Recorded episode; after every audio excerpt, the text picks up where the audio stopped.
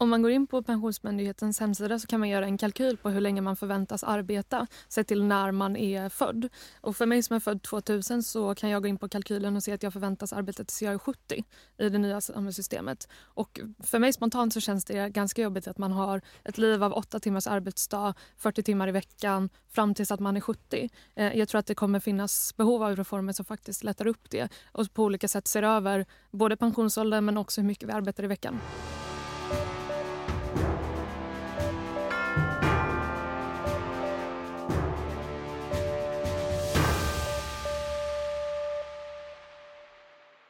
Varmt välkomna till ett nytt avsnitt av Tyckpressen. Dagens ETCs ledarpodd där vi pratar om vad som är rätt och riktigt, kul och tråkigt och kanske framförallt vad som är bra och dålig politik.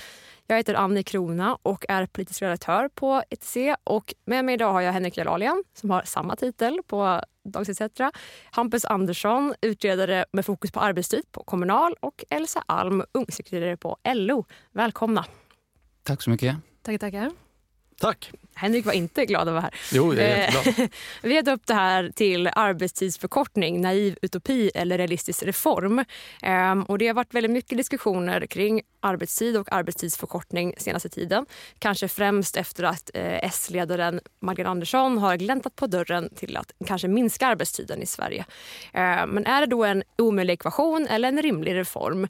Eh, vilka har testat och hur har det gått? Ehm, vi kommer börja med att prata om några centrala aspekter och sen kör vi en liten hur det ligger till eller en sant eller falskt session eh, med påståenden baserade på frågor och kommentarer vi har fått från läsare och lyssnare. Om vi börjar då med ehm, eh, hur gammal den här 40-timmarsveckan faktiskt är. Det är över 50 år sedan vi började jobba 40 timmar. Eh, vad är det som avgör att, vad som är rätt mängd att jobba och, och varför eh, blev det 40 timmar just då? Vi börjar med Hampus. Ja, rätt mängd, det beror ju på. Det är en politisk fråga i botten vad, som, vad vi vill producera liksom, och där kommer vi skilja oss åt.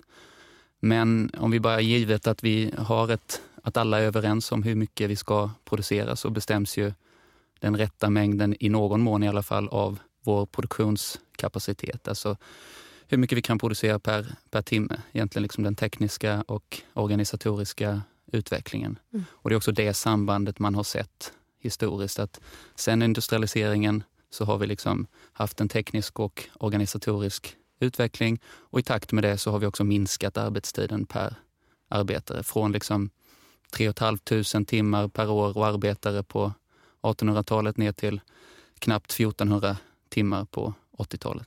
Sen det intressanta där är att vi har liksom det sambandet sen har, har liksom frånkopplats. Att sen 80-talet har vi faktiskt ökat arbetstiden per arbets per arbetare trots att produktiviteten fortsatt har, har eh, liksom vuxit. Varför händer ingenting då? Eller varför tar det så lång tid? Mm, det är svårt att säga, men det, det är också en, igen en politisk diskussion. Det har kommit in en del eh, argument och det kan vi kanske komma tillbaka till, så här, motargument till varför man ska göra så här. Eh, jag menar ju att det är i huvudsak teoretiska konstruktioner. Empiriskt så ser vi inte eh, beläggen för de så, så här, skrämsel argument som används. Eh, men eh, det är väl att, att, så att säga, mot, eh, motparten har flyttat fram sina politiska positioner. Mm. kan man säga. Ja, vad säger ni då, eh, Elsa och Henrik? Borde vi jobba mindre? Ja, eh, jag tror att eh, om du kollar på Ungdomsbarometern exempelvis är det vanligaste ordet de unga definierar sig, det är livsnjutare.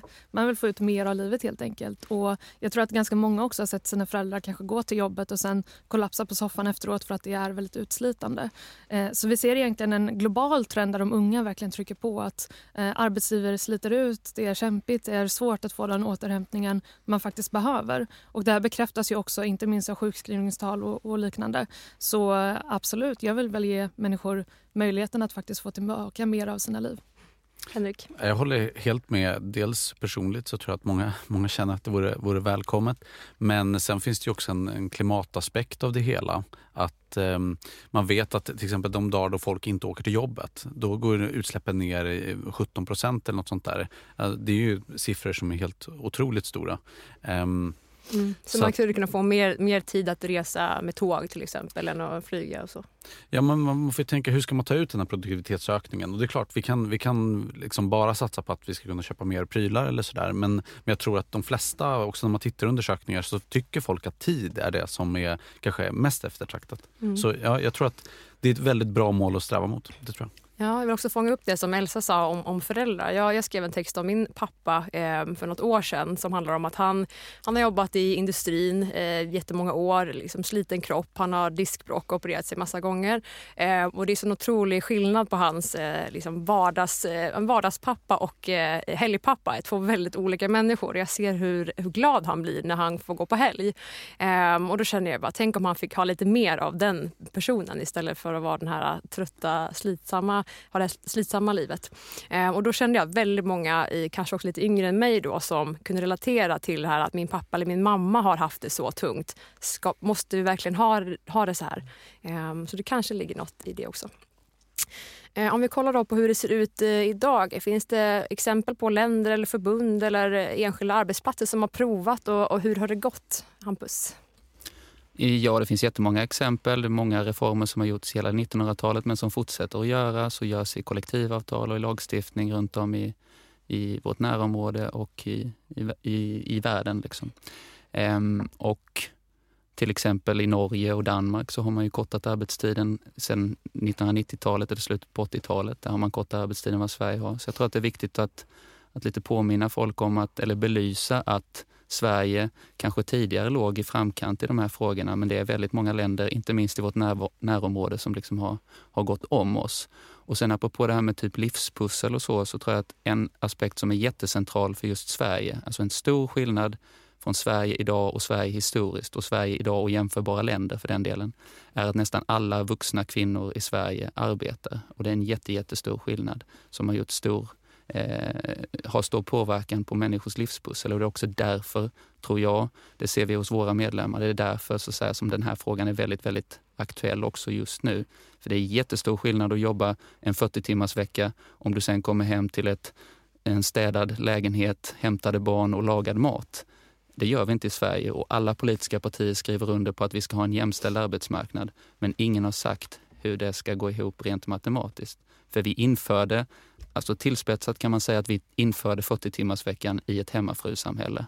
Men sen har vi gått därifrån. Det tycker vi i Kommunal är jättepositivt. Kvinnor kommer in på arbetsmarknaden och får en, en försörjning. Men det sätter också ett helt annan, en helt annan press på, eh, på livspusslet. Och om man jämför oss med länder i Syd och Östeuropa till exempel och säger att amen, vi arbetar ändå mindre än dem, för det gör vi, per arbetare.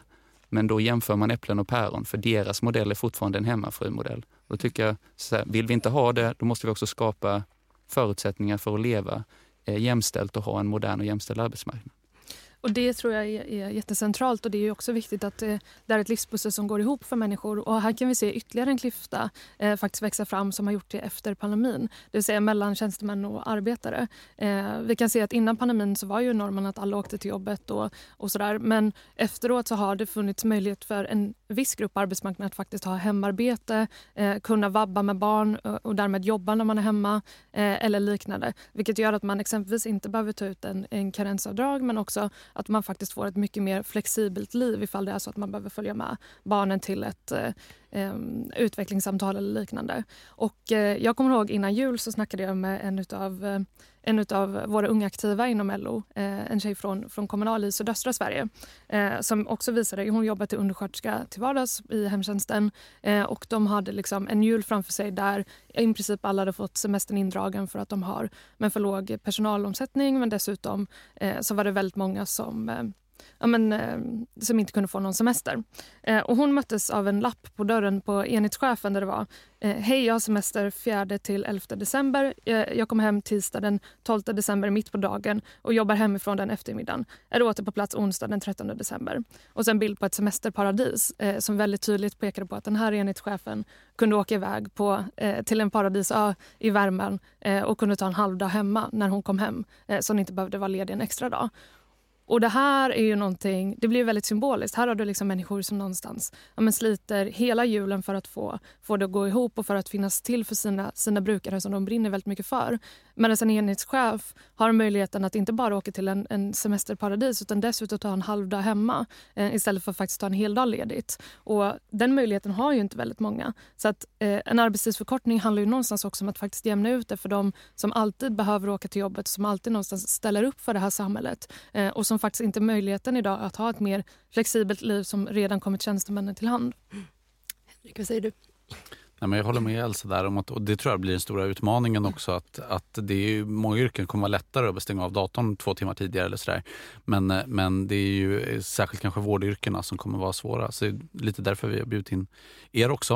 Eh, för det är många av era medlemmar som, som eh, både skulle behöva det här väldigt mycket men där det kanske också...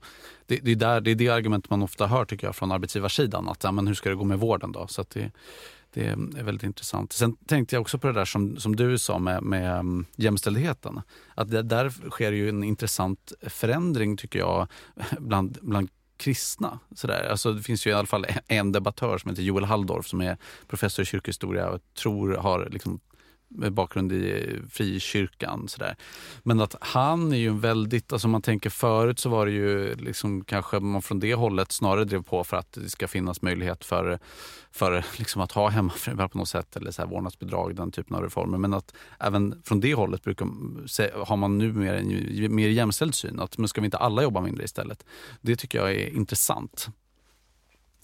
Jag håller med. Alltså det, det finns ju så här att alltså det finns, man kan ha olika ideologiska ingångar i den här frågan men ändå landa i, i samma slutsats. Mm. Det finns ju också så här, Susanne Nyström skriver på DN. Mm. Eh, igår så kom nog i en tidning som jag inte kände till innan som heter Inblick som är någon slags eh, typ kristdemokratisk eh, mm. gräsrotstidning som ringde till mig också när frågan är intresserad av det här. För här finns ju en annan kanske ingång mer än att så att säga, fritidslinjen och maximera liksom, den, den typen av ingång så handlar det mer om att okej, okay, om vi då har ett, ett, liksom ett, ett hushåll med, med arbetare, eh, med liksom knegare, om de jobbar 40 timmar i veckan plus pendling som är kanske en, halv, eh, vad säger, en och en halv timme om dagen, liksom, tur och tur. Hur mycket tid finns det kvar sen till liksom nära och kära, till barn och så vidare. Mm. Så att det kan ju vara liksom en, den typen av eh, eh, ingång i det här kan också vara en frihetsargument och så vidare. Alltså tiden vi själva bestämmer över. Men också liksom ekonomiska argument om stimulans och så vidare. Så man, det finns väldigt många olika typer av ideologiska ingångar som ändå leder mot samma mål. För det är väldigt lite som tyder på att eh, 40 timmars veckan givet förutsättningarna vi har är någon slags optimering. Det är bara en godtycklig gräns som inte så att säga, empiriskt har eh, bevisats som något optimalt. Mm.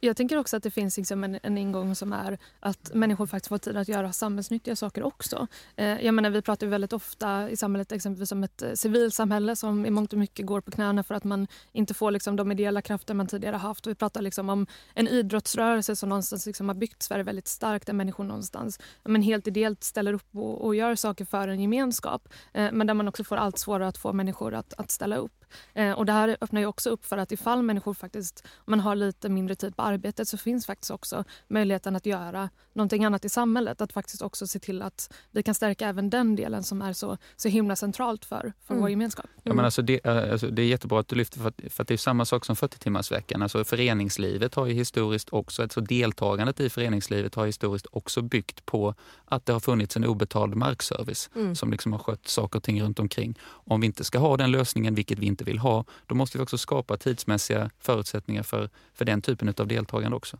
Mm. Det är en superbra poäng. Jag tänker också att mycket av föreningslivet nu bärs upp av pensionärer om man ska vara krass. Eh, tror jag att alla som är politiskt engagerade kan, kan märka i alla fall att det, det är de som bär det, man, det här. När man ser snittåldern på ABF-evenemang då blir man på ett sätt jätteglad för det är fint att lite äldre personer kommer men också helt bestört över att inga unga kommer. Mm.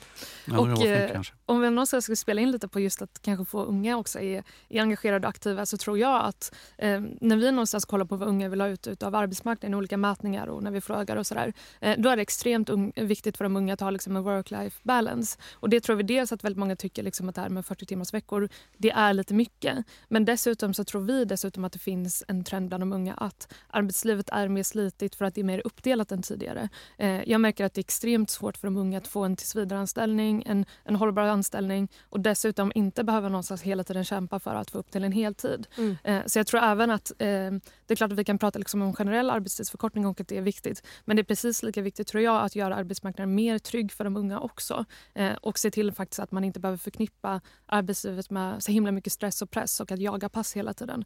För så lever allt för många tyvärr. Men om vi går in på den här frågan då som alla undrar över. Alltså hur, hur ska det gå till? Är det möjligt och har vi råd? Det har vi absolut. Allting, eh, som jag sa innan så är eh, de ekonomiska argumenten mot en arbetstidsförkortning de bottnar i huvudsak på eh, teoretiska simuleringar och, och konstruktioner. Empiriskt ser vi väldigt tydligt att en arbetstidsförkortning i väldigt stor utsträckning skulle finansiera sig själv.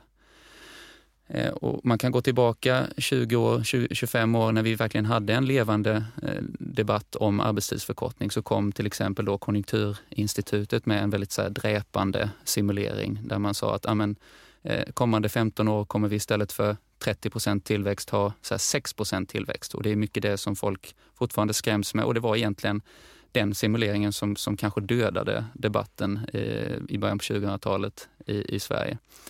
För det skulle ju bara liksom miljarders miljarder och flera tusen välfärdsanställda då i det priset. Och, och liksom givet den kalkylen så är det väldigt få som kanske blir så sugna, inte jag heller. Liksom.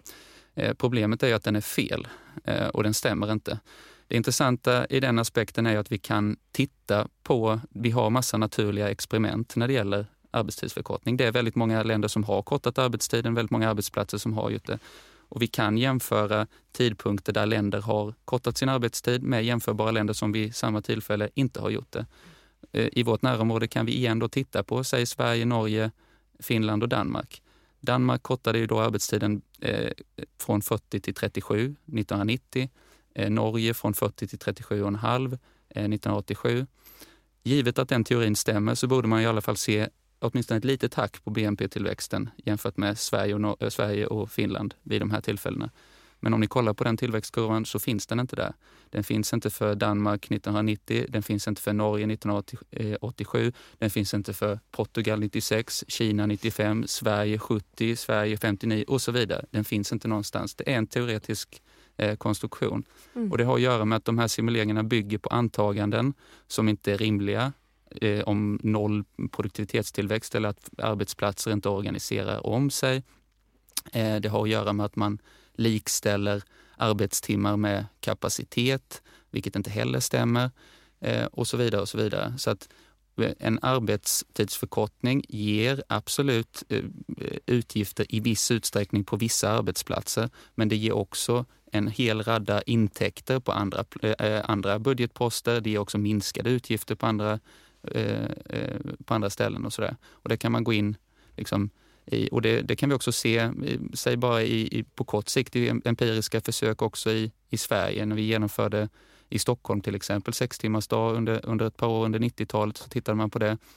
Eh, den var helt självfinansierande och den här publicerade rapporten som, som eh, gjordes i samband med det kom fram till att om man också värderar kvalitetsökningen och den som faktiskt en del av de här eh, fåtalet nyanställningar som behövde göras gjorde, så var det till och med en välfärdsförbättring, att, eh, så att säga, samhällsekonomisk välfärdsförbättring att genomföra det här.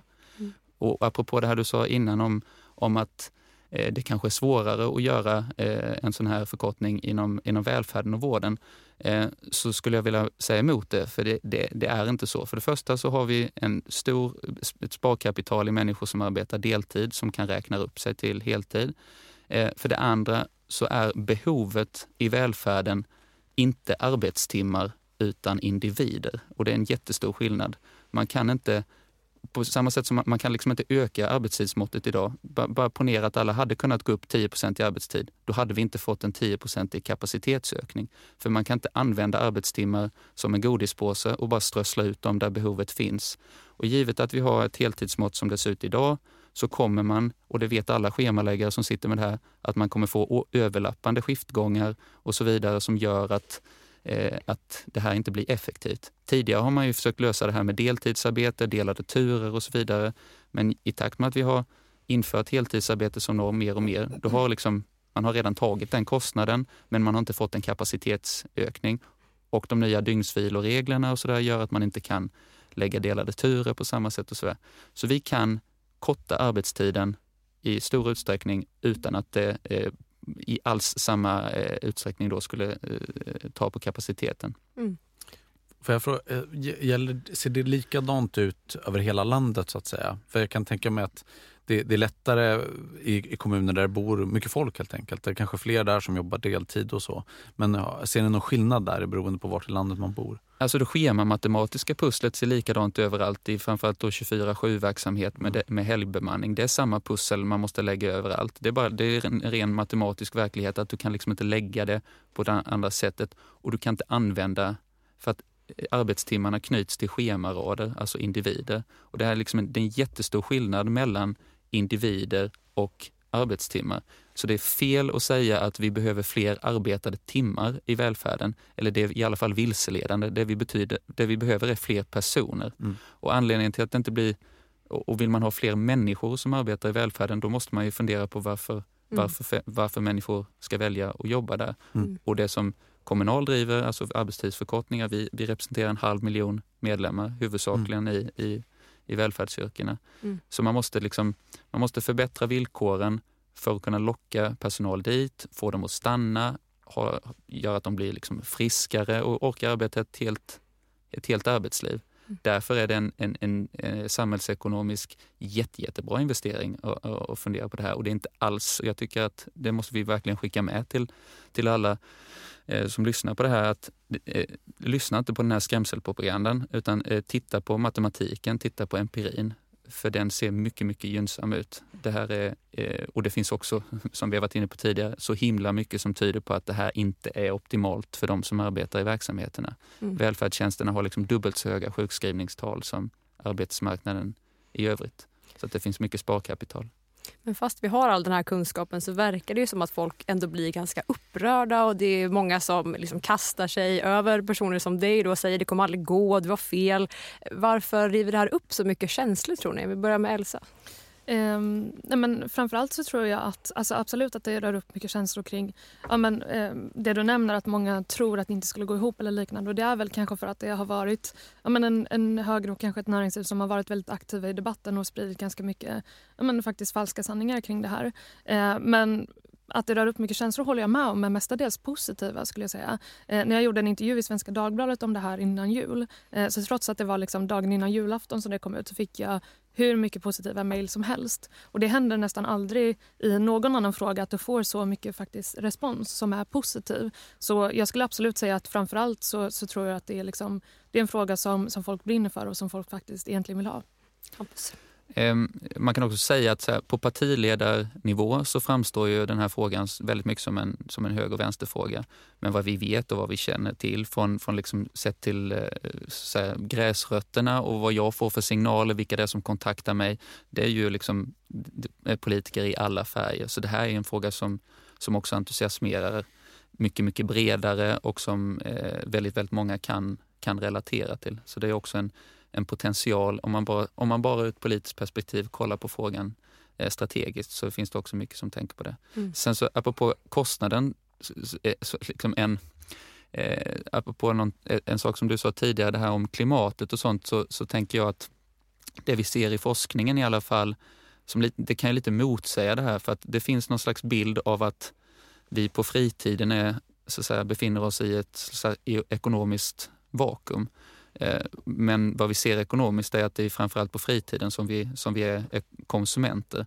Så tidigare eh, så att säga, arbetstidsförkortningar har ju i väldigt stor utsträckning också stimulerat konsumtion och, och därigenom också stimulerat tillväxt. Så att jag tror att det här eh, att, att man genom att korta arbetstiden skulle så här, rädda eh, klimatet eller minska utsläppen. Vissa mått, man såg till exempel i Valencia när de körde fyra dagars vecka en, en, en månad så eh, kollektivtrafiken och transporterna gick ner. Men samtidigt så har man ju annan typ av konsumtion som, som går upp. Så eh, det är en viktig fråga men den, jag tror att eh, då måste man leta efter andra eh, verktyg där för att det är mycket som tyder på att, att konsumtionen faktiskt konsum, eh, kompenserar en sån, mm. en sån Det kanske också kan ha att göra med om man har eh, sex timmars dagar eller om man har, eh, att man har en ledig dag till. Jag tänker att om man har en lång helg kanske folk blir mer sugna på att resa iväg vilket man kanske inte gör de här två timmarna per dag som man sparar in till exempel. Jag får tänka att folk får, istället för att shoppa så måste de bara vara med i föreningsliv. Då, då blir det win-win. Jag gillar i och för sig att shoppa. Men det där är intressant, för jag tror att också att man kanske får mer tid för konsumtion som, som kanske liksom man behöver. så att säga. Men, men jag tror att många känner igen sig i att den, den dumma konsumtionen gör man när man är stressad, man har inte riktigt tid. Man, man liksom, eh, så att, jag, jag, tror att det finns en vinst med att eh, med att det finns mer, att man har mer tid på sig. Eh, förstår du vad jag menar? Absolut, ja, och det mm. håller jag med om. Men jag menar bara att det inte finns ett, eh, det finns ingen automatik Nej, att, genom att vi får mindre eller mer fritid så kommer vi så att släppa ut mer. Om man ser, det finns en forskare som heter Pedro Gomes som har skrivit om eh, fem, han har skrivit mycket om, han argumenterar för en fyra dagars vecka. Han är mm. ekonom på Birkbeck i London. Men, eh, och han går ju tillbaka till vad som hände när vi gick från sex till fem dagar. Mm. Och han menar ju på att, och belägger det, att det var ju också då som man fick en stor konsumtionsboom fast man styr om konsumtionen på andra saker. Det här som kallas mm. för leisure industries, alla hotellkedjor och snabbmatsrestauranger och mycket sådana här saker som, som vi liksom vill nyttja på vår fritid. De stora företagen växer ju fram precis eh, i, i, liksom i, det, i det spannet. Så att när vi får mer fritid så efterfrågar vi andra typer av saker. Liksom vi, vi, kanske, vi kanske inte åker kollektivtrafiken till jobbet men vi kanske flyger till Mallorca istället. Nej men ni förstår vad jag menar. Mm. Så att, eh, jag bara att det finns ingen automatik där och då kan man också säga det att någonstans så är det ju så att eh, det kan inte både vara sant att vi, tillväxten inte förändras och att konsumtionen går ner. För att det vi ser empiriskt är att tillväxten inte påverkas negativt av arbetstidsförkortningar och det innebär ju då samtidigt egentligen att vi inte ser någon automatik att eh, arbetstidsförkortningar leder till att utsläppen går ner. Mm. Utan det, sen så kan man förändra typen av konsumtion och, och på det sättet så säga, få ner, alltså upprätthålla den ekonomiska aktiviteten men ändå få utsläppen att gå ner. Men det, det, så säga, det kräver andra verktyg tror jag. Om vi ställer frågan till er då, eh, rent eh, egoistiskt, om ni fick välja, skulle ni hellre ha kortare dagar eller längre helg? Börja med Elsa. Mm, jag tror längre helg. Mm. Jag tyckte det var väldigt skönt att ha en extra, en extra ledig fredag. typ. Men eh, kortare dagar är också nice. Henrik? Jag skulle också ta en längre helg tror jag. Ja, Hampus då? Ehm, jag hade nog tagit en, en extra dag också, men det har att göra med jobbet som jag har just mm. nu. Jag, när jag tidigare jobbade som, eh, under mina studier jobbade som truckförare och då var jag liksom, då var, checkade man in och man klockas på morgonen. Jag minns mm. vi hade lastat alla bilarna på, på eftermiddagen så fick man ändå sitta och titta på klockan på vägen och vänta eh, en timme till. Jag menar, är jag klar för dagen nu så går jag hem. Alltså mitt jobb är liksom oändligt just nu och, och så en arbetsdag, även om den på pappret är kortare, för mig är det fortfarande en arbetsdag. Liksom, mm. så att jag, jag det är nog en stor skillnad där i att de som kan flexa in och ut kan ju i stor utsträckning ta kortare dagar. Ja, eh, och jag kan ju liksom, jag kan jobba lite på kvällen. Jag hinner oftast hämta mina barn efter jobbet mm. och så ändå. Hade, hade jag liksom varit klockad på jobbet så hade jag definitivt behövt sprida ut det mer på dagarna för att liksom hinna mm. med fotbollsträningarna eh, och, och, så vidare. Annars så, mm. om jag inte hade kunnat ta igen det på kvällen. Eh, men ja, nog Men om man kollar på samhällsnivå eller hur andra länder har gjort, hur har de minskat sin arbetstid? Vad är, vad är vanligast? Eh, de har gjort på olika sätt mm. och, strukturerat och det där, alltså själva lösningen och fördelningen i, också i en svensk kontext, det kommer ju hanteras i, i kollektivavtal. Vi har redan idag eh, eh massa delar av arbetsmarknaden som kanske klustrar sin arbetstid på färre dagar eller liksom sprider ut det på, på fem dagar och det, det, det är verksamhetens behov som kommer styra det och individers liksom, mm. önskemål. Så det, det, det tror jag att man kommer det kommer se olika ut på andra sätt. En sak man kan säga är att en relativt liten arbetstidsförkortning ändå kan ha ganska stor påverkan, framförallt om man då tar ut det kanske i, i, en, en hel dag. Jag mm. menar, vi har sett, vi har verksamheter som i eh, Sollefteå till exempel, där man har kortat arbetstiden i lokalt kollektivavtal från 37 timmar för skiftarbetare till, till 35 och sprider du ut det på varje dag så, så, eh, så, liksom, så, låter det inte som så mycket. Men i deras fall så kanske det innebär då att man en gång i månaden får en långhelg. Liksom. Det är ändå en rätt stor, alltså att man får en, det blir ju en dag på en, på en hel månad, liksom en arbetsdag. Mm. Så att klustrar man det så, så, så kan ganska små förkortningar ge, ge ganska stora. Och likadant liksom, fyra timmars eh, veckoarbetstidsförkortning ger ju en dag varannan vecka. Liksom, så. Mm. Varför tror ni att den här frågan kommer eh, upp så hårt eh, just nu? Henrik, vad tror du? det är en väldigt bra fråga. Dels tror jag att det ligger i tiden för att börja fundera lite på, eh, på de här sakerna, hur man lever sitt liv och vad man värdesätter. Men sen tycker jag att det är en perfekt politisk fråga. Alltså, det finns, tycker jag, från vänster eh, ett, ett behov av att byta ämne. Eh, de frågor som diskuteras idag, det är liksom en högeragenda väldigt mycket. Det, det, kan vara viktiga frågor att prata om. Men det är väldigt mycket högern som sätter agenda. Och då behöver man, när man byter ämne så tror jag att det handlar inte bara om att du ska vilja prata om någonting. Du måste få motparten att bli provocerad och vilja prata om det. Och det här tycker jag den här frågan är liksom perfekt. Att när Socialdemokraterna gick ut och sa att vi funderar på det här, då kan liksom inte högern motstå att gå i polemik. Det är jätteviktigt för dem mm. också. Och då, då får du en debatt när båda parter vill dansa så att säga. Um, så att, um, jag tror att Socialdemokraterna har tänkt att de behöver en rejäl reform som faktiskt kan, kan skifta debatten lite. Um, så ja, det är min jag tippar det. Det kan också vara en lite, tänker jag, fråga om kvinnligt och manligt och en jämställdhetsfråga. Jag tänker i vårdyrken så är det väldigt mycket kvinnor eh, och för dem kanske det här är en väldigt viktig fråga. Men Elsa kanske vet mer om så här, vilka är det som driver på? Förutom de unga, är det en mer kvinnodominerad åsikt att vilja minska arbetstiden?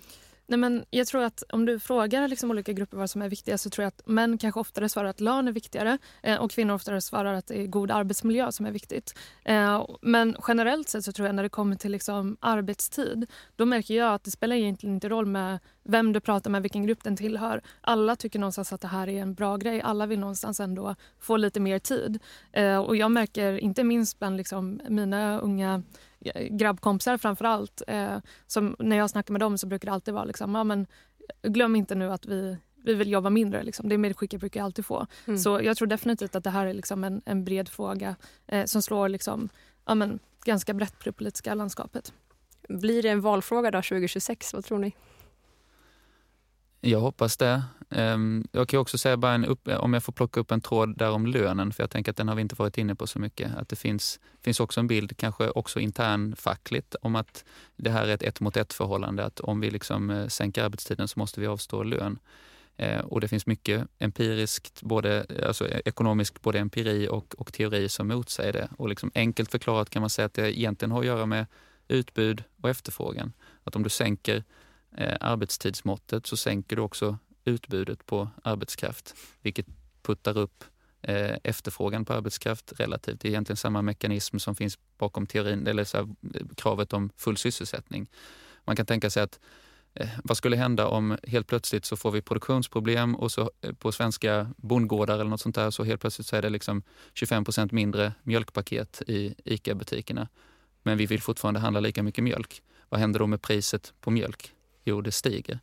Samma sak händer med, med arbetskraften tendentiellt historiskt. Att när vi sänker utbudet så skapar vi också en press uppåt på, på efterfrågan och på priset på arbetskraft. Och där ser vi i många studier, vi ser det tendentiellt liksom i Sverige också. Vi såg under lång tid såg vi sjunkande arbetstid och ökande löneandel och sådär i Sverige. Sen har eh, arbetstiden planat ut och lönerna fallit tillbaka. Så det är också ett, ett medskick att även på internfackligt så ska man inte eh, låta sig skrämmas på det sättet. Att på sikt så finns det jättemycket som tyder på att man eh, inte så säga, betalar det där priset ett mot ett. Sen så tror jag, alltså om vi ska ställa oss frågan ifall det är en valfråga. Um, jag tror att det här är en del av det som man kanske från politiskt håll nu faktiskt omprövar sin syn på. För det här var ju länge en fråga som vi har pratat om tidigare som faktiskt var liksom no-go zone så. Man vill inte prata om förkortad arbetstid. Men nu märker jag att allt fler röster höjs ju både för förkortad arbetstid men även att ompröva överskottsmålet eller se till liksom att vi kanske behöver mer form av investeringar i samhället generellt och sådär. Så jag tror att det här är en del men jag tror att man eh, omprövar ganska mycket ekonomisk politik generellt. Och Det är också en utveckling som, som jag tycker är väldigt tacksam. Eh, för Jag tror att man behöver göra upp med en hel del gamla sanningar som kanske inte riktigt stämmer längre. Och Jag tror precis som, som ni bägge två är inne på att om man ser på det politiskt och strategiskt så tror jag att vi har hamnat i Eh, alltså, I botten så, så, så, vill jag tro att det har att göra med eh, en förändring när det gäller empirin. Alltså vi har fått mycket mer eh, liksom, som, som visar att det, är inte en, det, det, kommer inte leda till en ekonomisk kollaps. Tvärtom är det ekonomiskt rimligt att tänka på det här. Ehm, och också att det finns ett ökat behov på grund av att sysselsättningen har ökat på det sättet den har gjort och att människor får svårare och svårare att få ihop sina livspussel. Men rent strategiskt så har vi också haft, precis som ni är inne på, en, en situation där vi Eh, där liksom arbetarrörelsen och Socialdemokraterna liksom har gått till, till val på att skrämmas med vad, eller så säga vad vi inte vill ha. Vi, vi ska liksom rösta på oss för att, för att inte ska bli en sverigedemokratisk politik eller styre. Men jag tror att man, man har kanske insett att man också behöver ett eget positivt politiskt projekt. Man behöver liksom, eh, entusiasmerande reformer som också engagerar människor snarare än liksom gör dem förbannade. Och, och det här är ju liksom väldigt, väldigt tydligt en sån typ av reform som alla kan relatera till och som jag menar, Säg att jag menar, nu ligger reformerna som, som folk tidigare kanske förknippade med socialdemokratin ganska långt bakåt i tiden.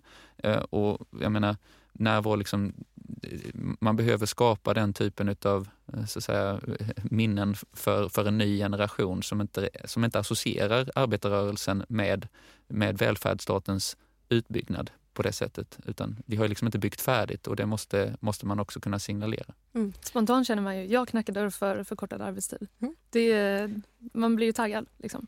Ja men ex exakt, istället för att knacka runt och liksom bara skrämmas. Bara skrämmas liksom. det, det, det, det, det, är också, det är också viktigt. Jag menar, eh, men, men eh, ja, jag tror att det politiskt strategiskt är mycket, mycket, mycket sundare att, att titta på vad, vad vill vi med vår egen politik och hur kan vi entusiasmera Eh, både vår egen väljarbas men också eh, nå ut till, till andra väljargrupper. Hoppas det blir så. Lite, lite peppigare valrörelse då kanske 2026. Eh, nu ska vi bara ta några snabba saker. Några av dem har vi redan svarat på tror jag i det här samtalet. Eh, men vi har fått ganska mycket kommentarer och frågor så jag sammanställde några påståenden kan man väl kalla dem. Eh, så tänker jag att eh, framförallt kanske Hampus men också ni andra såklart får hoppa in och svara kortfattat om det stämmer eller inte stämmer. Ja, spännande. Ja. Eh, det första är då, Sverige jobbar inte så mycket. Vi borde snarare öka arbetstiden. Ja, nej, men det har jag varit inne på. att eh, vi, har, vi minskade arbetstiden under väldigt lång tid men trenden sen 1980 är det motsatta. Vi jobbar så mm, drygt 70 timmar mer per år och arbetare idag än vad vi gjorde för, fem, eh, för 45 år sedan. Liksom. Eh, trots att produktiviteten har ökat. Och det, det är liksom en helt eh, eh förvrängd kalkyl. Produktiviteten, för, det har vi inte heller sagt kanske, men sen, sen 40 timmars veckan infördes så har produktiviteten ökat med 150 procent. Det innebär att en genomsnittlig arbetare idag producerar lika mycket värde som två och en halv arbetare gjorde när vi införde 40 eh, timmars veckan. Mm. Så förutsättningarna för en arbetstidsförkortning ekonomiskt, vad än eh, olyckskorparna säger, har aldrig varit bättre än idag. Trots det så ökar vi arbetstiden. Och framförallt så har jämförbara länder sprungit förbi oss. Plus det här som jag var inne på också med sysselsättningen. Att vi har fått på hushållsnivå. För 50 år sedan så jobbade ett typiskt hushåll 40 timmar per vecka. Idag är det många gånger 80 timmar per vecka för bägge två förväntas arbeta. Det sätter, eh, därför arbetar vi som land mycket mer idag. Och eh, jag träffade Europafackets ungkommitté för en vecka sedan och berättade att vi arbetar 40 timmar i veckan i Sverige och fick medskicket att fan vad sjukt, det är för mycket. Så eh, det får man ta med sig. Ja. Ehm, det här var en ganska vanlig kommentar och det är att eh, ja, men det kommer påverka pensionssystemet. Till exempel att vi måste höja pensionsåldern. Vad, vad säger du om det? Nej, det finns ingenting som tyder på det heller. För det är ju som vi har varit inne på med, med, med tillväxtnivån, alltså det här är ekonomiskt sund politik. Och det här med eh, liksom en, en relaterad fråga är ju att eh, det här med att vi blir äldre och äldre. Och det stämmer, vi blir fortfarande lite äldre sett till medellivslängden. Men det har vi blivit i åtminstone 150 års tid. Och he under hela 1900-talet så blev vi äldre i mycket, mycket snabbare takt än vad vi blir idag. Ändå kunde vi sänka arbetstiden drastiskt. Och det har att göra med det här att försörjningsbördan eller försörjningsförmågan, det relevanta för den är inte hur länge vi arbetar eller ens hur många vi är som arbetar, utan det relevanta är värdet av det vi producerar i relation till vad vi vill eh, betala för. Och den kalkylen ser bättre ut än vad den någonsin har gjort. Om man går in på Pensionsmyndighetens hemsida så kan man göra en kalkyl på hur länge man förväntas arbeta sett till när man är född.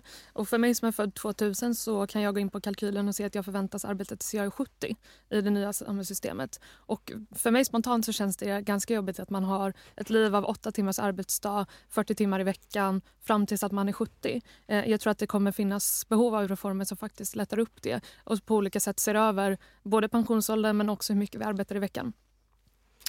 Sen har vi en här eh, som också var ganska vanlig. Eh, det finns ju de som tycker om att jobba, som jobbar mer än 40 timmar i veckan. Så det funkar ju inte då att sänka arbetstiden. Vad säger du om det Hampus? Ja, det finns ingenting som, som hindrar från, från att jobba på det sättet idag. Och jag menar, eh, från när vi hade i alla fall den här debatten från för några år sedan, eh, fem, sex år sedan, så kan jag tycka att, att det lite fastnade i så att säga, en, en arbetskritik kontra liksom någon slags arbetslinje. Och det är ju faktiskt fullt möjligt att, precis som de allra, allra flesta av våra medlemmar tycker att man har meningsfulla eh, jobb som de trivs med och man kan se liksom nyttiga saker i arbetslivet. Framförallt att man, man strukturerar tiden, man får ett socialt liv och sånt. Men det är ju inte oförenligt med att man samtidigt, vilket nästan alla efterfrågar då, känner att ja, gärna, men lite mindre. Så.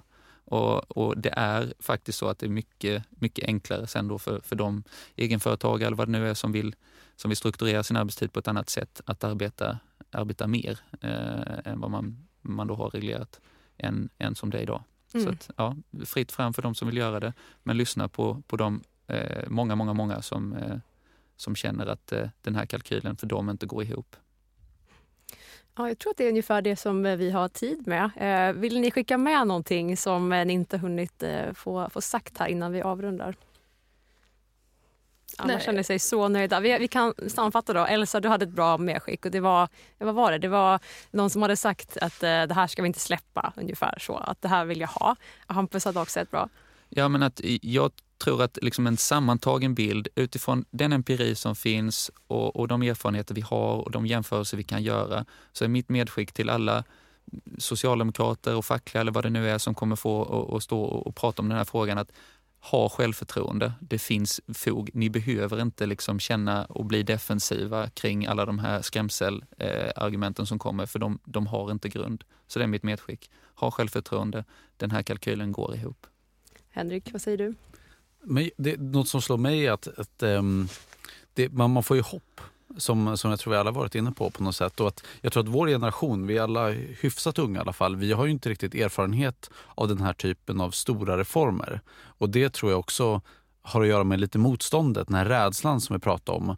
Att det var ett tag sedan som man, man gjorde en lite större arbetstidsförkortning till exempel. Eller som några decennier tillbaka i tiden, man byggde liksom en miljon bostäder på några år. Och det tror jag är mm, ehm, det, det, är det som jag tror har skapat mycket av motståndet. Att det var, det var så länge sedan man trodde att politiker kunde göra någonting. Och det, jag tror verkligen det kan ehm, bli en mycket bra valfråga. Jag håller med. och Det är väl bara att liksom, stötta upp det. att så här, Ehm, vi, har, vi lever också i en tid där liksom politikerföraktet någonstans ökar, där de unga någonstans inte ser liksom möjligheten att förändra samhället genom politik, där liksom man tappar förtroendet för att det faktiskt går att göra saker i samhället och någonstans bara se, se till sig själv. Vad, vad kan jag påverka i min situation? Och Det här är väl en, en ypperlig fråga att faktiskt visa att nej, men det går fortfarande att göra gemensamma saker i det här samhället. Det går faktiskt att, att skapa en positiv förändring eh, och det går faktiskt framförallt med, med de kollektiva lösningarna. Så jag håller väl med det som Hampus sa i början också också. Det är väl bara att känna ett självförtroende och, och faktiskt men sträcka lite på ryggen. För att här vet vi både att vi har folket med oss men också att det är faktiskt en, en fråga som vi i mångt och mycket har rätt i, ifall man får säga så. Så det är bara att köra på. Det blir bra slutord. Eh, tack så jättemycket Hampus, Elsa och Henrik och tack till er som har lyssnat på Tyckpressen. Hej då! Hej då!